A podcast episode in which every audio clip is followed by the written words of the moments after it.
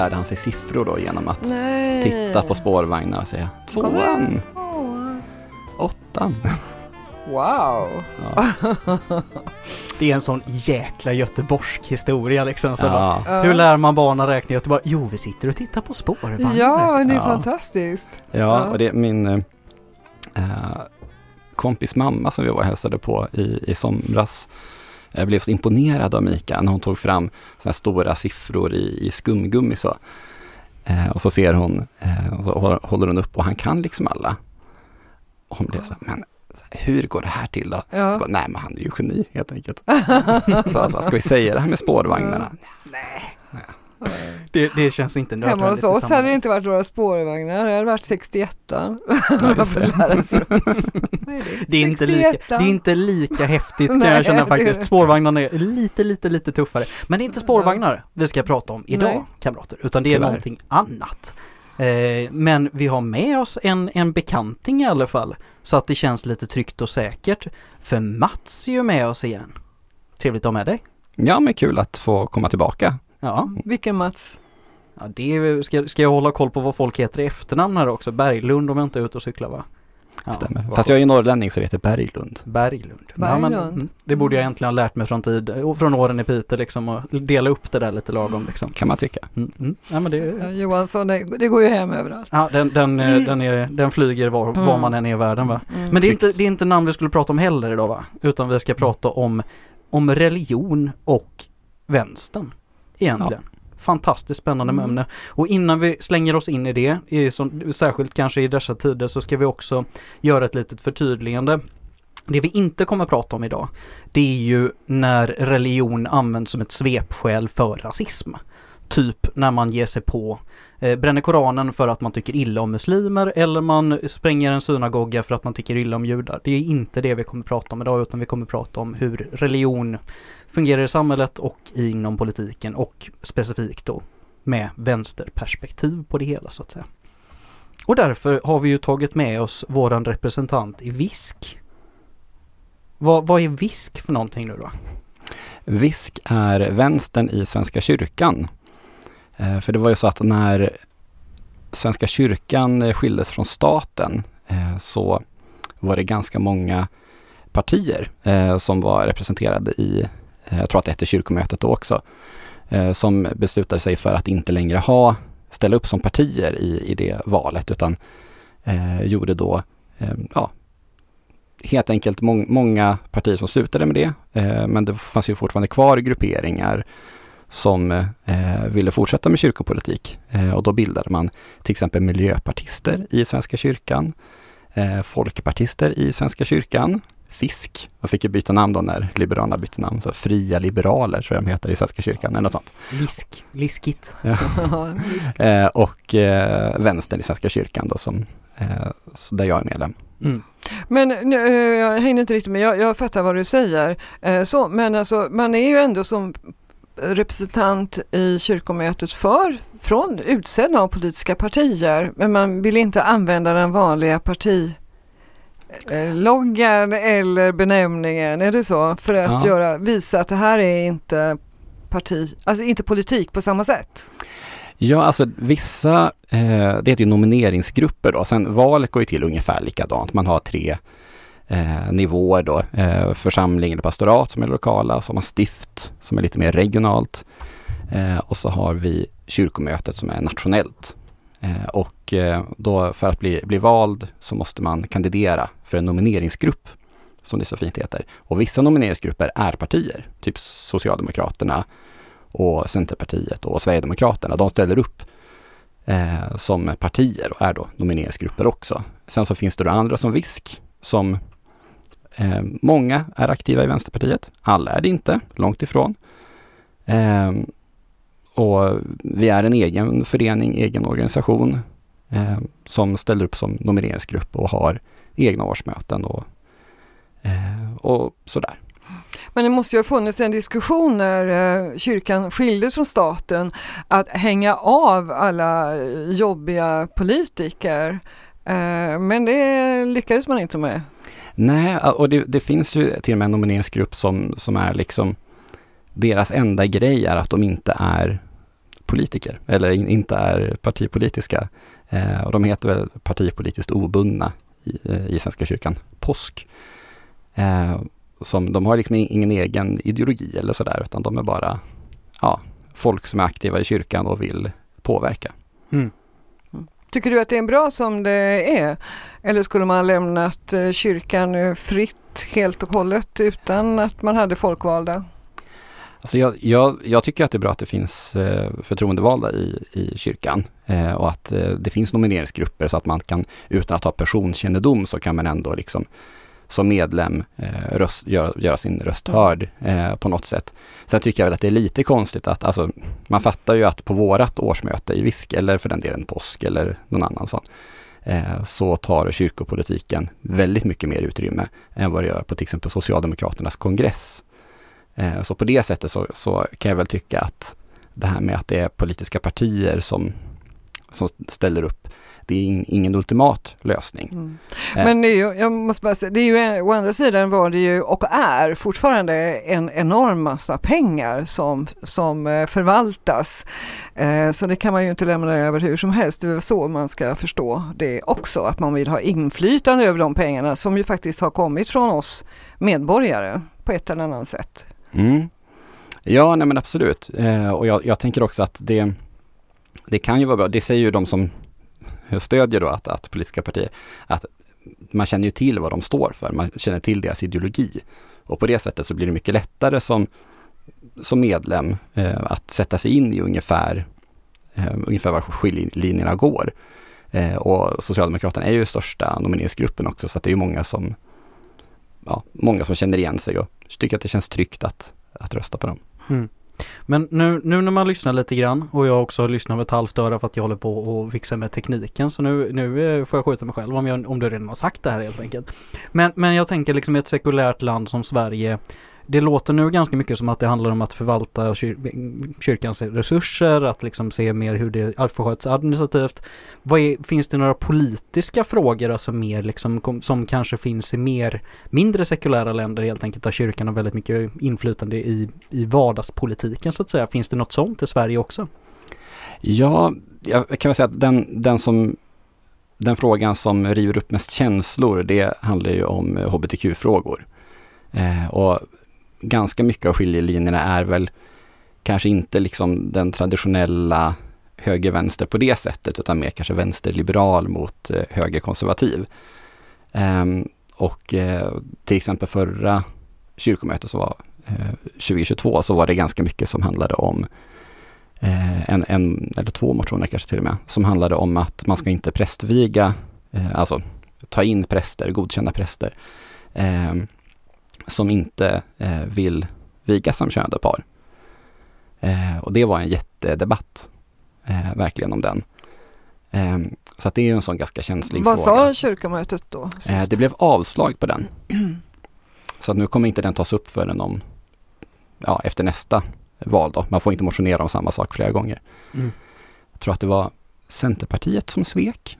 Mm. Som, de undertecknade den och sen ångrade de sig. Eh, för vi i VISK sitter ju med och styr då tillsammans med eh, en nomineringsgrupp som heter Öppen kyrka och eh, Socialdemokraterna och eh, Centerpartiet. Ehm, och vi la den tillsammans med dem, eh, eller inte, inte alla centerpartister, det var lite, ja, man har inte riktigt samma partipiska så att säga. Så att det var några som valde att inte, inte stödja den ändå. Eh, men sen är det också lite så här, det, det handlar också ganska mycket om, som förra kyrkomötet förra året så pratade vi väldigt mycket om mission. Eh, som handlar om, ja men hur gör man det idag? Eh, förr i tiden så gick det ju inte så bra till kanske när man skulle missionera. Det handlade väl snarare om att Indoktrinera. Ja, indoktrinera eh, med våldsamma metoder. Eh, men hur, hur missionerar man idag? Hur missionerar man i Sverige?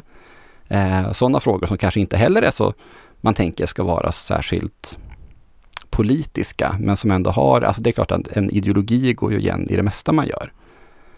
Eh, och man märker ganska tydligt eh, när man hör folk argumentera eh, ungefär vilken nomineringsgrupp man kommer ifrån beroende på vad man har för, för synsätt på sånt. Mm. Eh, sen sitter jag ju i organisationsutskottet så jag jobbar ganska mycket med, med förvaltningsfrågor men det finns också till exempel um, ek, ek, ekune, Ekumenisk. ekume, ekumeniutskottet, svårt ord, eh, som eh, ja, har mycket liksom med religionsdialog, eh, både andra kristna samfund och eh, samfund från andra religioner, som också ja, handlar mer om liksom, de religiösa frågorna. Eh, så att det, det är väldigt blandat faktiskt. Det är ganska roligt att läsa igenom de motionerna som kommer in, för det är ganska många Mm. också. Allt ifrån att man ska trycka upp biblar och, och dela ut till höger och vänster eh, till att man ska använda skogen på ett eh, bättre sätt eller sämre sätt, som Mm. jag tycker på vissa motioner då. Eh, så att kyrkan ska ta mer ställning till saker i samhällsdebatten och att kyrkan ska ta mindre ställning i samhällsdebatten. Vad, hur tycker du att, eh, alltså man tänker kanske inte, Vänsterpartiet tror jag jättemånga tänker så här, nej men de, de är ju inte religiösa, de är ju marxister och, och sådär. Eh, hur stort är intresset skulle du säga från andra vänsterpartister? Eh, att vara med i till exempel VISK? Mm. Ja, alltså jag, jag märkte det när jag försökte ragga lite folk eh, som jag trodde skulle kunna, skulle kunna vara intresserade att, eh, att eh, det hade, skulle vara svårare. Eh, men det, det var inte så riktigt svårt. De, de, eh, ett par av de nej jag fick var faktiskt folk som var aktiva i andra nomineringsgrupper. Eh, Öppen kyrka tror jag att båda var, var med i som jag fick nej ifrån då. Eh, annars så, alltså det, det är ganska många ändå Mm. får jag säga, som, eh, som tyckte att det, att det lät intressant. Jag tror att framförallt så är det att man inte har vetat att det finns. Nej. För eh, två kyrkoval sedan så röstade jag på Socialdemokraterna för jag visste inte att det fanns något, något som var mer, mer, mer vänster. En synd jag får erkänna här. Ehm, men eh, sen alltså senaste valet för VISK gick också väldigt, väldigt bra. Mycket tack vare att eh, vi fick hjälp av eh, Vänsterpartiet att med lite reklam helt enkelt. Eh, lite mejlutskick och sådär så fick vi en liten ruta att eh, det är kyrkoval, glöm inte att rösta. Vi kan tipsa att det finns VISK. Mm.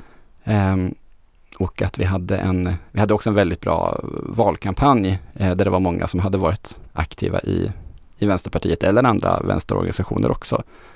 Eh, som eh, hjälpte, hjälpte till att eh, liksom sprida bara information om att vi faktiskt finns som alternativ. Mm. Och nu är det ju inget val i år förstås, men eh, kyrkomötet, eh, kyrkomötet är varje år, Mm. eller? Ja, Två gånger per år kan och man säga.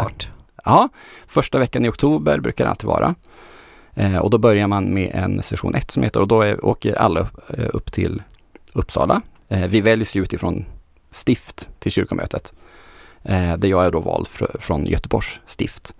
Eh, så åker alla upp till Uppsala. Och eh, så går vi igenom alla motioner som har kommit in. Eh, så att de delas upp i olika utskott. Mitt utskott, organisationsutskottet, har väldigt mycket motioner i år. Eh, så sitter vi helt enkelt och diskuterar alla eh, och det funkar ungefär som utskott i, i riksdagen. Alltså att det är folk från alla nomineringsgrupper typ som, eh, som sitter och eh, diskuterar och så tar vi ställning, eh, röstar om det behövs. Eh, men Och- om du undertecknar en motion så får du inte själv vara med och diskutera den motionen. Är inte det lite eh, lustigt? Nej, I mitt utskott är det så. Eh, inte i alla tydligen fick jag reda på. Jag trodde att det var det, men det har jag fått reda på. Så är det inte i alla. Men i mitt utskott så, så finns det en sån kutym i alla fall. Eh, så då är det ju bra om man kommer från en lite större nomineringsgrupp, som ju VISK är numera. Eh, så att man har ersättare som kan gå in och, och eh, föra diskussionen eh, åt den. Men sen, jag kan ju säga det också, det, det är ju lite märkligt för att det finns ju ingen spärr. Det vill säga väldigt små nomineringsgrupper kan komma in. Så vi har ju en som heter Himmel och jord som är i princip bara miljöfrågor.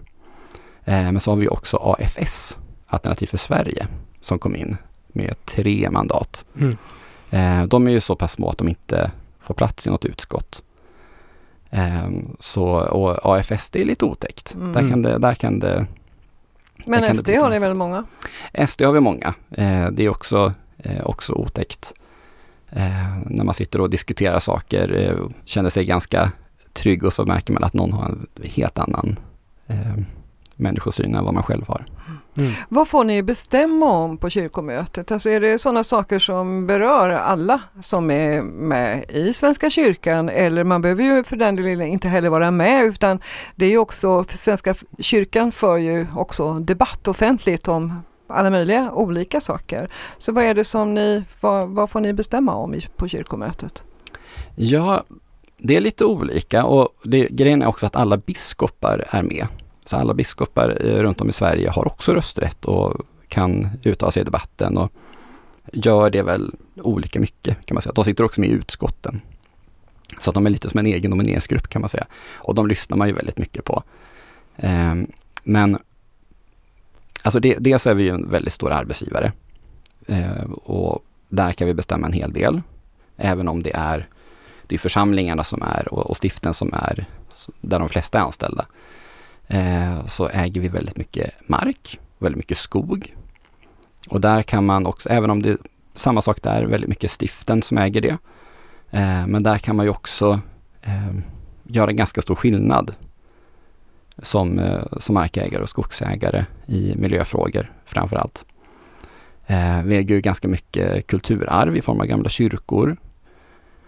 Eh, sen så, så är det klart att vi, beslutar ju också om till exempel psalmböcker, vi beslutar om eh, kyrkoordningen som, där det står liksom hur saker ska gå till i kyrkan rent praktiskt. Men vem som ska vara biskop var eller kyrkoherde var, det har inte ni någonting med att göra?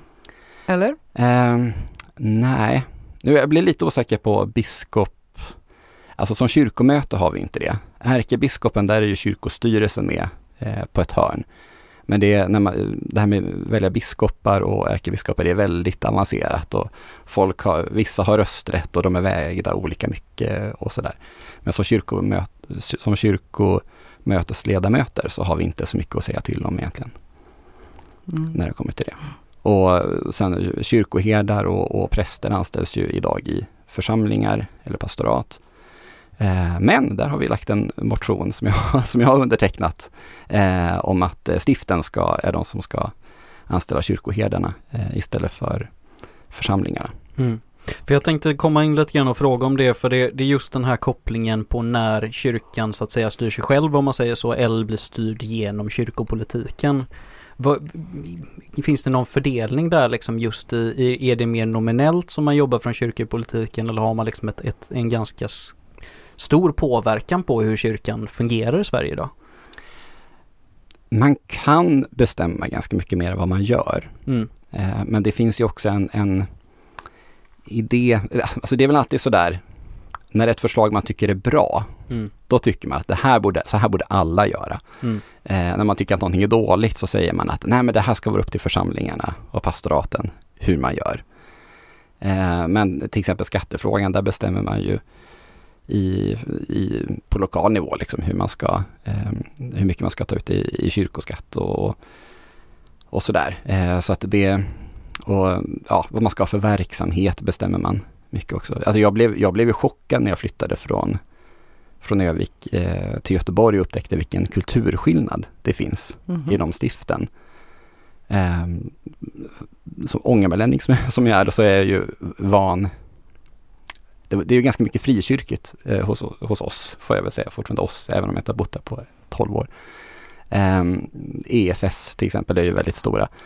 Eh, och där är det mycket att eh, hela församlingen ska vara med, alltså prästens roll är, ehm, är inte, alltså man, man, har inte sån otrolig respekt för en präst. Det är inte så att prästen gör allt, utan en predikan kan komma från vilken liksom, medlem som helst som, som får förtroende.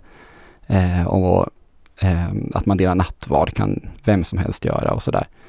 Eh, och det är väldigt olika salmer som man sjunger. Eh, så att det kan vara ganska stor skillnad. Och även inom Göteborgs stift, alltså jämför man en församling i utanför Stenungsund på landsbygden där som är liksom superkonservativa med en, en församling i Majorna så kan man tänka att det är helt olika, eh, olika samfund. Eh, och tanken med att ha den här liksom stora folkkyrkan är ju också att det ska kunna se lite annorlunda ut. Eh, sen så tycker man ju att gränsen går någonstans. Och det är klart att någon som är från Frimodig kyrka som är superkonservativa och någon som är från VISK som är ganska vänsterliberala. de skulle säga väldigt vänsterliberala, eh, gränsen för de, går, de gränserna går lite, lite olika kan man väl säga. Mm. Eh, vi tycker att alla ska vara jättevälkomnande för, mot hbtq-personer till exempel. Eh, medan de tycker att det är jätteviktigt att man ska göra precis som man gjorde för 40 år sedan. Mm. Mm. Eller ännu längre sedan. Ja, men alltså jag säger, det har ju hänt mycket i Göteborg, det kan man ju ändå säga. Jag minns när jag jobbade på Radio Göteborg en gång i tiden så hade vi ungefär som Tankar för dagen som finns på P1, P1 Morgon idag. Det hette nog nästan någonting likadant tror jag. Och en av de som, som hade Tankar för dagen ibland det var biskop Bertil Gärtner. Om du kanske inte kommer ihåg honom men han, han kom sig ihåg även om man inte har träffat honom. Eh, och då var det ju jättetydligt jättetidigt på morgonen klockan vid sexsnåret. Och eh, Eh, de som jobbade då, det var ju vi på nyheter, det vill säga jag den dagen det var jag som jobbade med nyheter. Jag vägrade faktiskt släppa in Bertil Gärtner. Alltså han var ju så otroligt eh, bakåtsträvare och mot kvinnliga präster och mot allt som andades eh, någonting. Alltså, vi, vi var ju några som tyckte att den där svarta rocken, det får väl, han får väl vänta tills det kommer någon annan. Jag tycker att vi kristna ska få vara med och tala in i en samhällsdebatt och att vi ska få lov att få väcka opinion, en så stark opinion som möjligt för det vi anser vara uttryck för kristna värderingar. Ja, nej men det har hänt mycket i Göteborg Mm. eh, på, på den fronten, eller i Göteborgs stift får man Mm. säga. Nej, och det, jag känner väl att nu, nu får vi en briljant övergång till det som jag är lite mycket nyfiken på. För det, runt om i världen så ser ju just samspelet mellan religion och, och politik väldigt, väldigt olika ut. Och i, i många delar av världen så har ju religionen en otroligt stor påverkan på politiken och på människors vardag. Eh, men jag tänkte innan vi ska knalla in på den fronten och just knyta an till det som du säger nu Vivian. Hur kopplar man samman religion och socialism? För pratar man marxism så har vi ju hört den där klassiska opium är, religion är ett opium för folket men, men, eh, men Som är det sägs att Marx aldrig sa. Jag har inte sett någonstans skrivet, jag har inte läst varje ord heller om Marx, men eh, ni vet säkert om det är sant eller falskt. Det vet jag tyvärr inte. Men jag, jag tänker väl lite så här också att, att eh, vad, vad, vad sätter man liksom i ordet opium då? Eh, är det liksom som en, eh, vad ska man säga, ett eh, nå, någonting man, man eh, tar till eh, i sorgens stund eller ångestens stund eh, sådär, så absolut är det ju så. Alltså religionen tänker jag oftast när jag liksom får de tankarna så är ju det just när jag mår dåligt, när saker inte går som jag vill. Då vänder man sig till Gud, då vänder man sig till bönen eh, för att få någon typ av eh, tröst. Mm. Så, eh, som jag tänker att eh, det var så man använde opium när, när han sa det också. Eh, så att på, på det sättet tolkar man Marx eller vem det nu var som sa det. Eh, på det sättet så kan man absolut säga att, eh, att det är så. Eh, men det jag framförallt tänker på när jag liksom tänker vänster och eh, kyrkan eh, det är också hur man, hur man tolkar det som står i eh, Nya Evangeliet. Eh, och lyssnar man på, eller lyssnar, men läser man det som eh, liksom alla Jesus citat eh, där, eh, så det jag hör är inte konservatism, utan det är eh, det är, ja, om- om inte socialism så, så i alla fall ehm, Men inte på något sätt tycker jag som är, inte ens är med i Svenska kyrkan och det är mer för att jag liksom inte gillar kyrkan som eh, kanske överbyggnad eller så. Men den gyllene regeln är väl ändå en plattform som alla står för, som, eller som även vänstern står för menar jag, som jag tycker ändå är det gör ju inte alla konservativa. De kanske bekänner sig till att de tycker så, men det gör de ju inte rent politiskt. Så där ser jag ju en jättestor skillnad. mm. För den som sov på religionslektionerna, vad är den gyllene regeln? Allt vad det vill att människorna skulle göra eder, det skulle ni också göra dem i den gamla översättningen. Nej, och jag, jag, jag är med dig, med dig Mats liksom och, och jag tror att många framförallt i, i lite modernare tid gör tolkningen just att det finns en särskillnad på, på den personliga tron. Och att den religionen är någonting helt annat kanske än den religionen som, om det nu var Marx eller inte Marx som sa detta, så är ju mer kanske det kritiken mot hur religion framförallt historiskt men också många platser i världen och, och kanske också i ett visst mån i Sverige idag så används det för att, att styra samhället eller grupper i samhället. Och det kanske är mer det man är ute och far efter när det är ett opium för att man ska kunna få folket att göra som man vill. Mm. Absolut, absolut. Nej men, och det var, jag, jag kan säga min, min tolkning kanske, min tolkning kanske också eh, är, är, lite grann för att uppröra folk. Eh, nej men jag, jag tror också att många konservativa inom kyrkan och många konservativa inom eh, politiken också eh, snarare kanske ser till traditionen eh, kring kristendomen eh, än så att säga innehållet eh, i den. Eh, och att man har, alltså om man kollar liksom på, på den kristna högern i USA också så är de liksom eh, ännu, ännu värre eh, och utgår ifrån väldigt konstiga tolkningar av mycket. Mm. Eh, och om man kollar på till exempel kvinnoprästmotståndet eh, som till väldigt stor del har utgått från ett visst bibelord som inte, som, det var inte Guds ord, det var inte Jesus ord, det var Petrus ord i ett brev till en specifik församling. Typ sju personer som han skrev ett brev till och det har man tagit med i Bibeln. Mm. Eh, är det liksom någonting som man ska Ja, jag, så här, jag, jag, jag tror ju att man snarare kanske har hittat det citatet. Ah, yes, vad bra. Då mm. kan vi som män stärka våran makt här. Ja, då ser vi att det är det som det är så det gäller. Kvinnan ska vara tyst i församlingen. Mm. Så, eh, och samma sak kan man ju liksom säga om eh, till exempel hbtq-motståndet också. Eh, som finns i, i, som fortfarande finns i, i, många delar av kyrkan. Svenska kyrkan har kommit en väldigt bra bit på den vägen på de flesta ställen. Men det finns också andra samfund som inte, som inte har gjort det. Eh, det är samma sak där, att det är liksom inte Alltså man, man, man, man, gör inte en tolkning utan man tänker att varenda ord som står här är en sanning och en regel för hur vi ska leva våra liv. Eh, det är ju inte en tolkning av Bibeln som, som jag gör. Jag tror inte att det är en tolkning av Bibeln som de flesta gör. Nej. Man kan inte ta det bokstavligt, alltså ord för ord eh, idag, det som skrevs för några tusen eh, år sedan. Nej men kanske. precis, och Bibeln också eh, är ju som, som alla religiösa skrifter, det är, det är liksom ett, ett, ett hopkok av flera olika eh, skrifter som har skrivits i ett sammanhang med ett syfte eh, av en specifik person som vill säga en specifik sak. Eh, även liksom om man läser evangelierna eh, och läser ord som Jesus har sagt så kan det ha gått flera hundra år innan de ens har skrivits ner. Och då tänker man vad viskleken har gjort med de orden. Mm.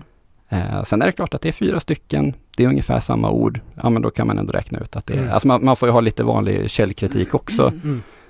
Eh, och ja, också tänka, ja, men varför har någon valt att ta med den här skriften?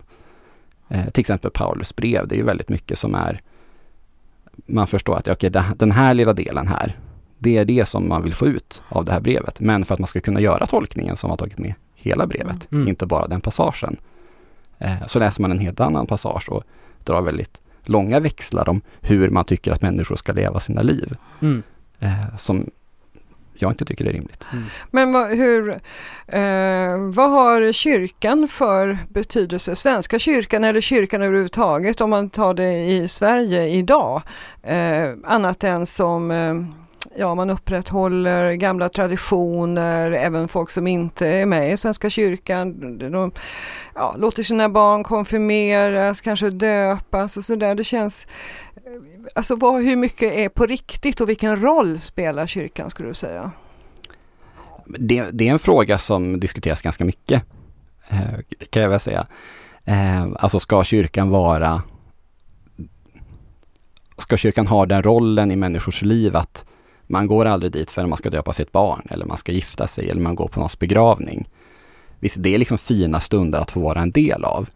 Men mycket när vi pratar om mission till exempel, som vi har, har gjort mycket på sistone, så kommer man snarare in till det här, hur ska vi göra det?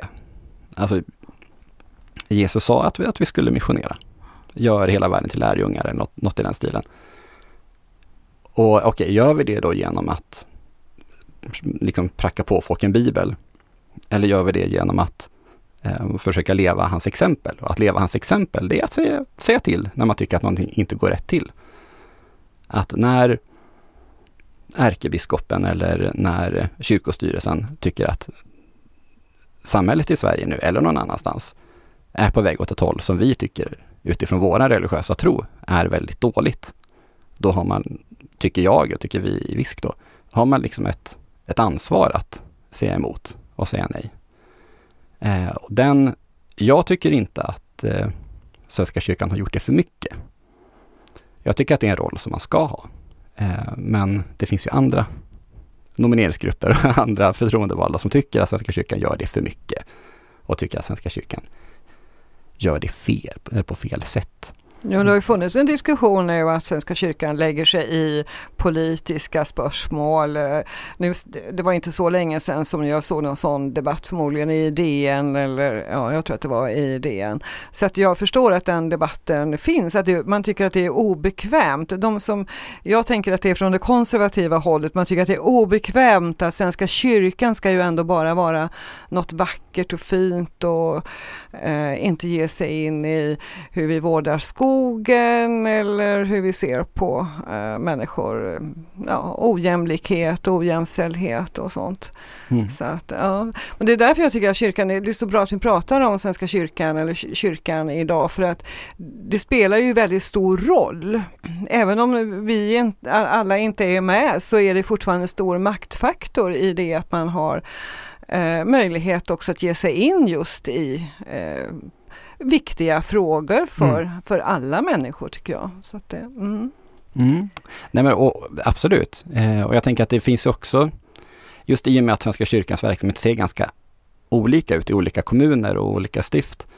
Så det har ju också blivit en diskussion om till exempel det här med öppna förskolor, olika ungdomsgrupper som man har, eh, soppluncher för äldre. Den typen av verksamheter som är ja, men kanske inte liksom kärnverksamheten eller kanske inte den som man tänker att, att en, en kyrka, ett, ett religiöst samfund ska ha som mm. kärnverksamhet. Eh, är det också ifrågasatt? Det är ifrågasatt från vissa. Eh, och då kan man också tänka, okej okay, men varför, liksom, vad i, är det också mission då gentemot barn? Eller är det eh, gentemot äldre? Eh, eller är det helt enkelt någonting som kyrkan ser att det finns ett behov av det här i samhället? Och därför gör vi det. För vi det finns väl ett behov av gemenskap i alla fall, det kan vi väl alla vara överens mm. om. Och det, det, är väl det det syftar, så tänker jag när du mm. berättar om ungdomsverksamhet och mm. sopplunch och så, att man, att man främjar gemenskap mellan människor. Mm. Ja men absolut, absolut. Men, och, och där kommer också de, de olika synsätten eh, in. Är det mission på det sättet att man prackar på unga eller barn, eller äldre då, eh, liksom våran tro? Eller är det mission att se att, som sagt, det behövs mer gemenskap i det här samhället? Det är väl frivilligt ja. att gå dit i vart fall, tänker jag. Så ja. att eh, det är liksom upp till var och en att välja. Mm. Ja men precis, precis. Och ja, men lite det här, ska man missionera genom ord eller genom handling? Lite så. Mm. För, Nej, och, det... och, och, och, handlingen i det här fallet då är, är, är som sagt, ser, ser jag det som i alla fall inte att eh, vi ska se till att de här blir liksom kristna redan när de är, när de är barn, utan mer att det här är någonting som samhället behöver. Mm. Och då gör vi det för att vi kan. Mm. Nej, och det är, väl, det är väl någonstans det som kanske är en av de finaste grejerna med religion, även om jag kanske ofta är en, en stor kritiker när det kommer till religion generellt, eh, så är det ju också någonting som man inte kan blunda för oavsett egentligen vilken religion den har och vilken plats i världen vi pratar om, så, så är det ju ofta att kyrkan tar ett samhällsansvar på ett behov som ofta är väldigt, väldigt konkret. Liksom. Vi har ju Röda Korset till exempel som är en sån otroligt bra exempel på liksom, när religionen kan, kan göra någonting som, som har varit viktigt i flera hundra, eller i hundra år. Liksom. Så att det, det är ju det här just eh, det missionära handlingen när det finns en, en, en poäng just utav att sprida godhet om man nu ska verkligen måla med glada färger så finns det ju en, en verkligen en vits med det liksom. Ja, men verkligen. Och jag, jag reagerar lite på det ordet godhet. Mm. Eh, för det har, ju, det har ju blivit något fult nu. Mm. Att vara, ja men så här, högern pratar om godhetsknarkare. Mm. Ungefär som att det vore något dåligt att, att, att vara god. Och då kommer jag tänka på, eh, vad, hette han nu, förra KD, Lena, Alf Svensson. Mm. eh, som, som pratar om att, att eh, Sverige behöver en, en våg av godhet. Eh, och så tänker man på KD-ledaren idag som pratar om godhet som någonting dåligt. Eh, för e- egentligen så, ja men det är väl jättebra att folk vill vara goda. Det är väl jättebra att folk har en religion och det finns många religioner som har det som, som grund att man ska vara, man ska vara god, man ska vara snäll Mm. helt enkelt. Eh, och jag, jag tänker att i, i idag när vi har en ganska nyliberal eh, nyliberalt sätt att leva, att organisera vårt samhälle, väldigt mycket individualism, Eh, så kan jag tycka att det, att det är väldigt fint att det också finns, finns de, ganska många till och med, eh, som vill i organiserad form göra någonting bara för att det är bra. Mm. Absolut. Jag tycker vi har, vi har pratat väldigt mycket om, om, om politik inom religionen i Sverige idag redan. Men om vi vänder på det och så pratar vi istället om religion inom politiken. Nu, nu, nu är det återigen en sån här grej som vi skulle kunna ha 72 olika avsnitt på med, med olika ingångar och få en herrans massa arga eh, vi får inte så mycket arga mejl faktiskt. Det får vi bli bättre på. Vi, vi får mer arga mejl vill vi ha. Så att det händer lite kul grejer. Nej men vilken, vilken plats har, jättebred fråga, vilken plats har religionen i politiken i dagens Sverige? Man hör Ja ju men den är väl ganska nedtonad om man inte ska gå in på det som vi inte ska gå in på idag, tänker jag. Det är ju inte, vi slåss ju inte liksom ordmässigt mellan eh, eh, M och V och så om något religiöst om vi inte tar folkgrupper och det, alltså det, det är ju en annan grej. Så jag tänker att Ja men som Svenska kyrkan, man, vill, man går väl en balansgång där tänker jag. Att man vill ta ett, alltså många, eh, än så länge är det väl en övervägande del i vart fall, även om det finns en diskussion inom Svenska kyrkan, som vill ta ett större samhälls engagemang, eller ha, vara mer samhällsengagerad och vara på olika sådana arenor och eh, vara med i diskussionen. Men jag vet inte, men jag tänker att politiska partier verkar bry sig så mycket om det. Det tycker inte jag. Men jag kan ju vara tondöv och inte höra det. Ja, nej men jag, jag håller med. Jag, jag tycker att det, är- det är väldigt sällan som man hör någonting av det. Och vi har ju inte haft en kyrkominister på vadå, 25-30 år någonting. Eh, så att det, det har ju haft en större roll eh, förut, såklart i och med att kyrkan var, var statlig då. Samtidigt som det är ju ganska ofta som jag stöter på folk som på kyrkomötet som också är förtroendevalda eh, inom den vanliga politiken, Mm. eh, om man säger så. Ehm, så att det, det, det finns ju folk. Men jag tänker också att ens tro, ens religion är ju ofta lite grann som en vägvisare och det är ju såklart i, i eh, även om man är förtroendevald i region eller kommun eller, eh, eller riksdag Mm. också. Eh, så att jag tror att det finns väldigt mycket men det finns liksom lite under där och det går inte riktigt att argumentera i politiken idag med What would Jesus do? Mm. Eller inte i så. Sverige. Inte i svensk inte kontext liksom. Nej. Nej. Nej, och det är får väl flytta till USA kanske. Ja men det, det, om vi just använder USA som ett exempel så, så är det ju så påtagligt just att religionen spelar en väldigt, väldigt aktiv roll i politiken. Både i, i lite längre perspektiv men också i närtid. Och har varit som en ganska eh, betydande sak i, i större grejer som kanske inte varit så positiva. Jag tror att alla minns där när George Bush gick ut och sa att Gud sa till mig i en, i en dröm att invadera Irak. Och det var en, en stor del i berättigandet av att invadera Irak. Även sen man kom fram till att det var då de där kärnvapnen som inte var några kärnvapen som egentligen var kärnvapen när det inte var några kärnvapen som man letade under de kärnvapnen som egentligen inte var kärnvapen. And uh, the decision of one man to launch a wholly unjustified and brutal invasion of Iraq. I mean, of Ukraine. Iraq, too. Anyway, uh, Ja, 75. när inte det höll, då var det det man liksom gick tillbaka på. Och det är väl där som, som för att, nu återvänder vi lite grann till det som vi, vi var på i början där liksom när religionen blir någonting som man kan använda som ett slagträ för att få igenom sina idéer och det är väl mycket, ofta en, en väldigt konservativ agenda eh, och den typen av politik liksom. Ser vi någonting, något exempel på det eller den typen av antydningar i Sverige idag? Tror inte det va? Nej, det tycker jag inte. Eh, det skulle vara SD som ändå på något sätt har uttryckt mera politiskt och i de termerna och eh, hon eh, som jag just nu inte kommer ihåg vad hon heter som är vice talman, hon har ju varit öppet. Julia Kronlid. Julia Kronlid. Julia Kronlid. Ja, precis. Eh, så, men inte, nej, inte särskilt mycket. Men man kan ju bara säga det att även i eh, USA så tappar ju eh, kyrkan eh, medlemmar ganska mycket. Mm. Eh, så man undrar, men det, det är en sån polarisering. Men jag tycker det är ganska bra som vi har det här, att vi har alltså lagar och sådana saker, det är för sig och religionen, den är, den är en privatsak. Det är Mm. ingenting som jag ska bli utfrågad om, eh, om jag inte vill, eller jag menar om jag är, ska på en anställningsintervju eller, jag, menar, jag tycker att det är en väldigt bra ordning och sen så tycker jag nog att det är bra att så som Svenska kyrkan är idag, att det är en, en, ett samhällsengagerande, en um, kraft Mm. som också tar sig ton ibland. Så tänker jag. Mm. Eh, men jag, jag skulle inte vilja att det var som det var innan.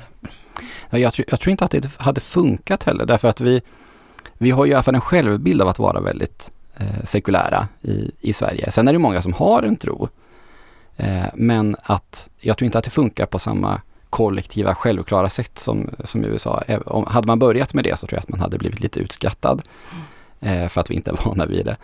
Eh, men sen är det att vi, vi har ju en mer kristen kultur än vad vi ofta tänker eh, att vi har. Alltså Mm. högtider, hur man liksom ehm, referenser, eh, så här talesätt som vi har, Mm. eh, som kommer för den. Sånt man, som man tolkar in som religiöst i andra kulturer, men inte så mycket i, i Sverige egentligen.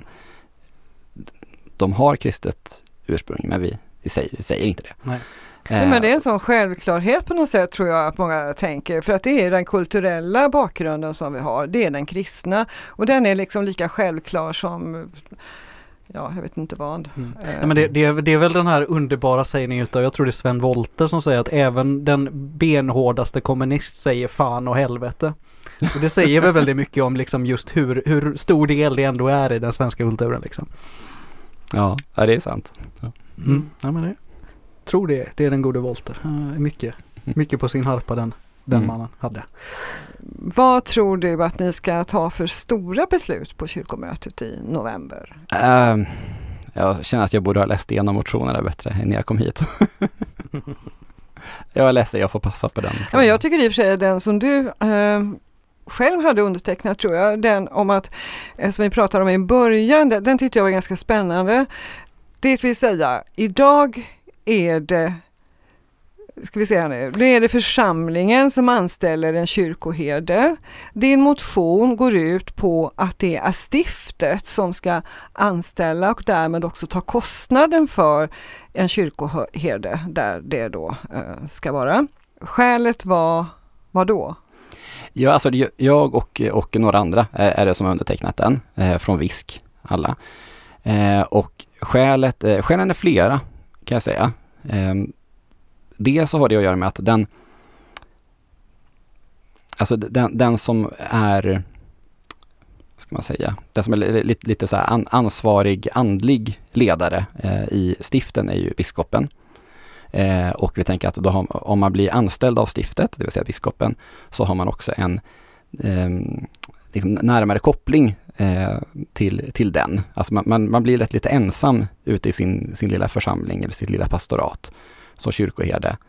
Eh, så får man en, en tydligare koppling till det, till det andliga eh, ledarskapet där. Eh, sen så är det också en eh, rättvisefråga. Alltså det finns eh, stift som är, eller det finns församlingar och pastorat som är väldigt fattiga. Eh, och det är ju ungefär som med kommuner, att det är klart att om, om folk, i och med att man betalar ju en procentdel i, i kyrkoskatt, eh, så är det många arbetarklass eh, som bor i ett visst eh, område, i en viss församling och pastorat, så får man också in mindre pengar.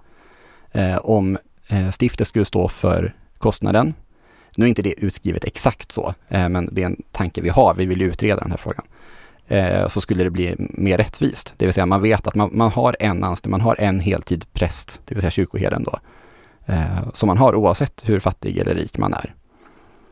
För det har man alltså inte alltid idag råd med. Jo, det har man väl råd Det med. tar man sig råd till, men Det- då kanske men- det tar pengar från någonting annat som också skulle behövas. Ja men precis, eh, så att det blir ändå en, en, det blir lite mer jämlikt ekonomiskt på det sättet. Eh, sen så, så är det klart att det också är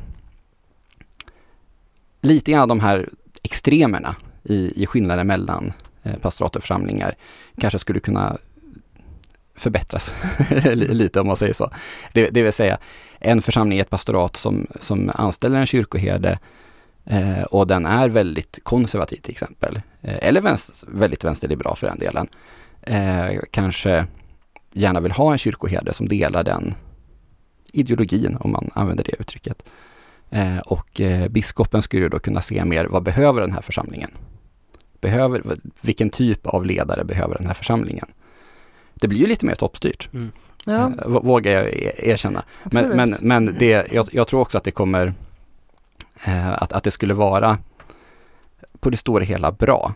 Men också att man får en, man får ju så att säga, man blir ju en, en grupp anställda kyrkoherdar eh, som skulle också kunna ha mer utbyte av varandra så att man Mm. inte blir så himla ensam. Det kan vara väldigt ensamt att vara chef också. Mm.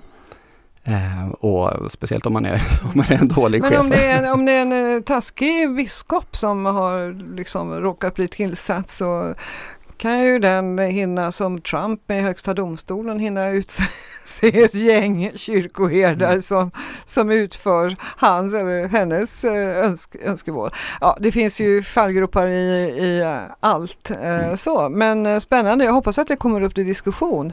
Att Ja. man kan ta del av det i alltså massmedia kanske Mm. också.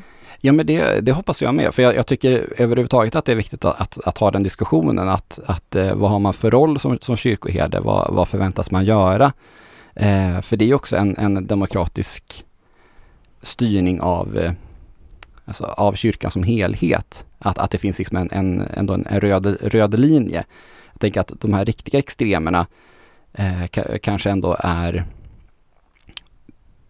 det, ja, men jag, jag tror ändå att det skulle kunna vara bra att, eh, att få lite, lite mer prata med en röst, eller vad man säger. Mm. Eller så kanske man skulle ha val vart eh, fjärde år och välja ärkebiskop. Tänk, det kanske det skulle bli jättespännande om, om alla som är med i Svenska kyrkan fick vara med och välja ärkebiskop.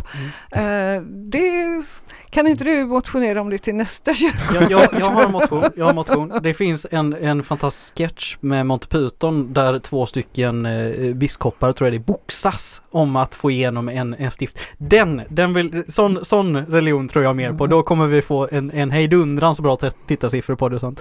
Nu börjar vi, tror jag, närma oss slutet på det här fantastiskt lärorika snacket. Jag, det, jag tänkte säga det Vivian, det, det roligaste nästan man gör den här podden. Det är att man lär sig en sån herrans massa om sånt som man inte alls hade en aning om att hur intressant det kunde vara. Mm. Jag hade ju stått här och tänkt att Nej, men jag ville ju prata om, om, om Sydamerika och katolska kyrkan och liksom hur de kan eh, vara emot och för revolution på samma gång och Argentina och militärkupper och grejer. Sen kanske kommer det i något annat avsnitt i något annat sammanhang. Det är spännande det också. Ja, Med en annan gäst då hoppas jag, det är inte mitt specialområde. Eller? Nej, det, det kan ju bli. Men jag tänker att vi spar det till en, till en annan dag. Och, Jag, jag tentar av några kurser innan. Så. Ja men det, det, det, det jag, jag, du kan få med lite goda böcker hem som är, handlar om de här roliga, spännande, eller roliga ska jag väl inte säga, men, men otroligt spännande grejerna och just hur, hur religion kan funka och inte kan funka.